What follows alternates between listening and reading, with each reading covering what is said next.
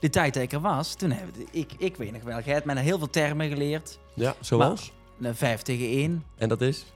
Ja, dat leg, dat leg ik hem eruit aan. Maar deze. Dat heb ik in mijn podcast laatst gelegd over men. Vijf tegen één. Leg het eens uit aan. In nette woorden, wat is vijf tegen één? 5 tegen 1 is het masturberen bij het mannelijke geslacht. Het is Denkt toch jij, ook gewoon denkt leuk? jij, als je niet vijf tegen één gespeeld had, dat het dan anders afliep? Vanwege de druk of de behoefte? Nee, behoeft ook niet. Ja, maar dat is dus anders.